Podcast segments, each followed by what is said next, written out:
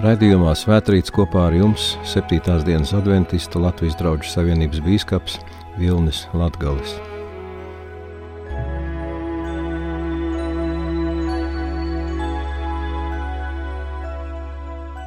Bet, kad viņš tuvojās Jērikai, kāds akls tur sēdēja ceļmalā un ubagoja.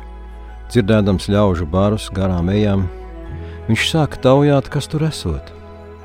Un tad viņam teica, ka Jēzus nāca arī ejot garām.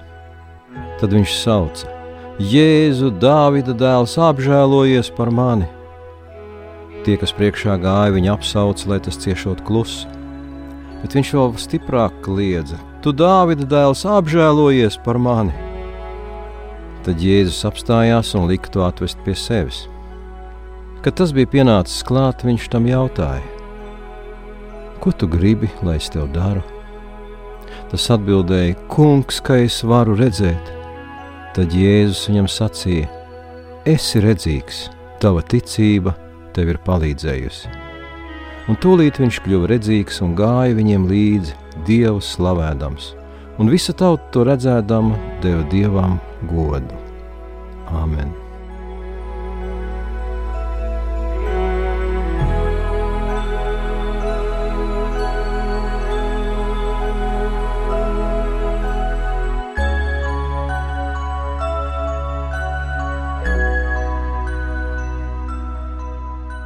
Iedams garām Jērikai, Jēzus jautāja aklajam vīram, kurš sauc pēc palīdzības: Ko tu gribi, lai es tev daru? Kungs, ka es varu redzēt, atbildēja vīrs. Un Jēzus viņam teica: Esi redzīgs, tava ticība tev ir palīdzējusi. Mums jāsaprot, kāda ir mūsu katra lielākā problēma šodien. Vai tas ir koronavīruss, vai ar to saistītie apdraudējumi, vai tie ir dažādi ierobežojumi. Varbūt kādam tie ir slēgtie veikali un izklaides vietas. Varbūt tas ir attālinātais darbs un mācības, kad visi ir mājās kopā. Varbūt tie ir atceltie ceļojumi, zaudētās darba iespējas vai kas cits. Daudziem tā varētu būt arī digitālā vientulība virtuālajā pasaulē. Varbūt arī neziņa par to, kas mūs visus sagaida nākotnē. Savukārt Bībele saka, ka gala laika cilvēkiem svarīgākā problēma ir garīgs aklums. Atklāsmes grāmatas trešajā nodaļā mēs varam lasīt. Tu saki, es esmu bagāts, un man ir pārpilnība, un man nevajag nenieka, bet tu nezini, ka tu esi nelaimīgs, nožēlojams, nabaks, akls un kails. Ja mēs lasām šo tekstu no otra gala, tas skan šādi: kails, akls, nabaks. Nu, protams, protams, ka arī nožēlojams un nelaimīgs. Šādā situācijā cilvēks patiešām ir nožēlojams un, varētu teikt, bezizējā. Kāds varētu būt risinājums? Turpat tālāk atklāsmes grāmatā varam lasīt, tās ir acu zāles, lai tu spētu redzēt.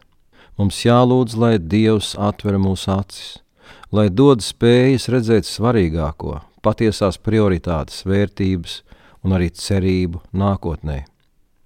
Dieva vārds saka, dzenaties pa priekšu pēc dieva valstības, tad visas pārējās lietas jums taps dotas. Bet patiesībā bieži vien viss notiek otrādi. Vispirms mūsu prioritāte ir materiālās lietas, un tad, ja atliek laiks un vēlme, bet parasti jau neatliek, un tad finālā ir jāpiedzīvo visnepatīkamākā vilšanās. Apostols Pāvils arī to piedzīvoja un tad rakstīja: Tas, ko es uzskatīju par vissvarīgāko, visvērtīgāko, par visu, visu, visu iekārojamāko, galu galā izrādījās mēsli. Pāvils nekautrējas lietot šo apzīmējumu. Kāds droši vien var oponēt un teikt, ka mēsli jau arī var noderēt. Jā, mēsli var noderēt, bet nekā barība miesai vai dvēselē, nekā dzīves jēga vai cilvēka eksistences būtība un dvēseles ilgu piepildījums.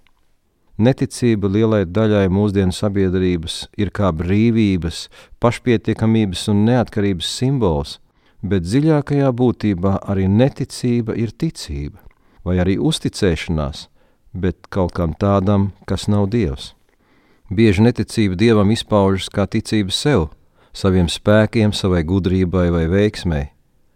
Tomēr tā ir iedomāta brīvība, kas būtībā ir sofisms Sofisms ir maldinošs slēdziens, kas šķietami izklausās vai izskatās pareizi, tātad maldinošs un nepareizs savā dziļākajā būtībā. Jau ēdienas dārzā Dieva ienaidnieks solīja pirmajiem cilvēkiem: Jūs paši būsiet kā Dievs, jeb augstākā autoritāte. Visa centrā tomēr ir jautājums par ticību vai uzticēšanos. Ja dieva nav, tad dzīves jēga ir nauda un bauda. Ja nav dieva, tad nav arī augšām celšanās, raksta Pāvils 1. vēstulē korintiešiem. Un, ja nav augšām celšanās, tad ēdam un dzeram, jo rīt mēs mirsim. Citam nekam jau tad arī vairs nav īpašas nozīmes. Kāds ir teicis, mēs dzīvojam pasaulē, kur ir apmaldījusies pati sevī, mūžības vērtības apmainot pret īslaicīgiem baudas mirkļiem. Kur lai mēs rodam izēju? Dieva vārds saka, atzīstiet, ka es esmu Dievs. Tas nozīmē, ka ne cilvēks, nekāda cita radīta būtne nevar būt Dieva statusā, un tā nav bijis ne vakar, tā nav šodien, un tā nebūs ne rīt, ne mūžībā. Apstults Pāvils pirmajā vēstulē Timotejam Dievu raksturā šādiem vārdiem: Redzami svētais, vienīgais valdnieks, ķēniņu ķēniņš un kungu kungs, kam vienīgam ir nemirstība kas dzīvo nepieejamā gaismā, kuru neviens cilvēks nav redzējis, nedz arī var redzēt. Viņam lai ir gods un mūžīga vara. Āmen! Lasot šīs rindas, patiešām ir jāsaka āmen, kas nozīmē patiesi, patiesi tā ir. Mums atliek nolaisties uz zemes un atzīt, ka mēs visi esam mirstīgi un grēcīgi cilvēki. Dievs ir augstāks un pārāks par mūsu saprašanu, mēs nespējam aptvert Dievu. Labākais, ko mēs varam darīt, ir pieņemt viņa piedāvājumu un uzticēties viņam, uzticēties viņa gudrībai, uzticēties viņa padomam. Kāds izmisis tēvs reiz griezās pie Jēzus Kristus un lūdza par savu dēlu. To mēs varam lasīt Mateja evaņģēlī 9. nodaļā. Ja tu ko spēj, tad palīdzi mums, apžēlojies par mums. Bet Jēzus uz to sacīja: Tu saki, ja tu spēj, kaut tu varētu ticēt. Tas visu spēj, kas tic un tūdaļ bērna tēvs brēca un sacīja: Es ticu, palīdzi manai neticībai. Jaunais dzīvais angļu tulkojums saka: Palīdzi uzvarēt manu neticību. Patiešām kādam ir jāpalīdz uzvarēt mūsu neticību, un tas ir Dieva plāns palīdzēt mums uzvarēt mūsu pašu neticību, mūsu ierobežotību un aprobežotību. Tas ir brīnišķīgs plāns, Tas ir pārveidojošs un atjaunojošs Dieva plāns. Būtībā tas jau ir tieši tas, pēc kā mēs savos sirds dziļumos ilgojamies. Vēstulē galotiešiem 5. nodaļā apstults Pāvils to apraksta kā gara augli, kas savā būtībā ir Dieva klātbūtne cilvēka dzīvē. 22. pants. Bet gara auglis ir mīlestība, prieks, miers, pacietība, laipnība, labprātība, uzticamība, lēnprātība un atturība, jeb pašsavaldība. Šķiet, šajā vienā Bībeles pantā ir visa labā apvienojums. Nevienam taču nepatīk rupji cilvēki, nelieši, slepkavs, negodīgi, egoistiski, varaskāri un ļauni. Tieši otrādi mēs ilgojamies pēc cilvēkiem, kuros ir šī dievišķā līdzība, tas, ko mēs saucam par dieva gara klātbūtni. Dieva plāns ir vienkāršs un tajā pašā laikā pilnīgi iespējams katra cilvēka dzīvē. Ieklausieties vārdos, kas ir rakstīti vecajā derībā, praviešu Mikas grāmatā, 6. nodaļā. Tev cilvēki ir sacīts, kas ir labs un ko tas kungs no tevis prasa. Proti, darīt taisnību, mīlēt žēlastību un pazemīgi staigāt savu dievu priekšā. Tas ir ceļš uz jaunu dzīvi šajā pasaulē un uz jaunu pasauli nākotnē. Svētīgs ir tas cilvēks, kas to meklē, un kas meklē tam tiks sniegta palīdzība, lai varētu to arī atrast. Sāc ar vienkāršu lūgšanu. Lūdzu, lai Dievs palīdz uzvarēt neticību, lūdzu, lai Dievs palīdz saskatīt dzīves jēgu, lūdzu, lai Dievs atver tavus acis, un tad izvēlies sekot Jēzum un uzticies viņam. Dieva vārds saka vienkārši: tici, un tu redzēsi Dievu varenību. Tu piedzīvos to savā dzīvē un varēsi to apliecināt arī citiem. Lai Dievs mūs svētī, ka mūsu ticība ir augoša, dzīva, un lai svētais gars atver mūsu acis. lai mēs varētu redzēt Dievu un iepazīt viņu, kāds viņš ir. Āmen!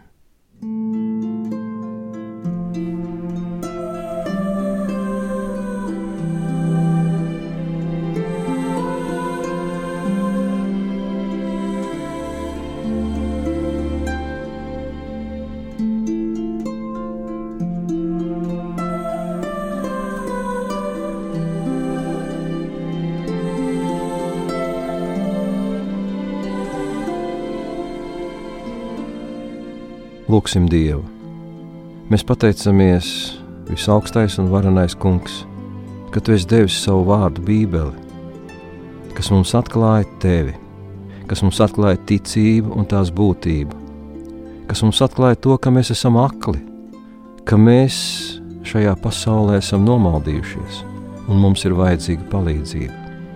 Tādēļ šajā brīdī mēs lūdzam, Kungs, un nākam Tavā priekšā tādi, kādi mēs esam Tu redzi un zini katra mūsu vajadzību.